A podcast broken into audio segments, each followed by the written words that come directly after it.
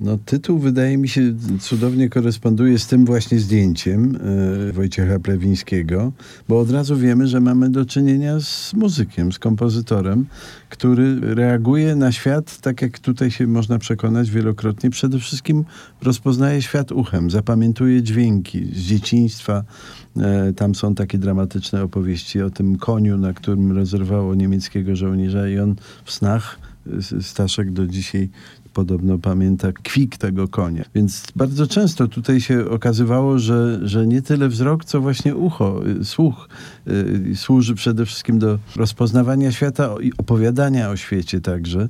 Tytuł jest y, cytatem z, z sytuacji niezwykłej, mianowicie w, to było w Rosji, w, za, za, na Syberii, w Czelabińsku, gdzie Stanisław Radwan z Jerzym Jarockim robili e, bal manekinów e, I zostali zaproszeni do restauracji, w której mistrz kuchni poczęstował ich największym tamtejszym specjałem, czyli to były pielmienizny niedźwiedziego mięsa. No i Staszek opowiadał, że to zupełnie nie, niezwykły smak tego. Ja mówię, no ale jak, jak to smakuje? Zagram ci to kiedyś. No, to jest odpowiedź. Nawet jak smakują pielmieni, tego się nie da opowiedzieć, to można tylko zagrać.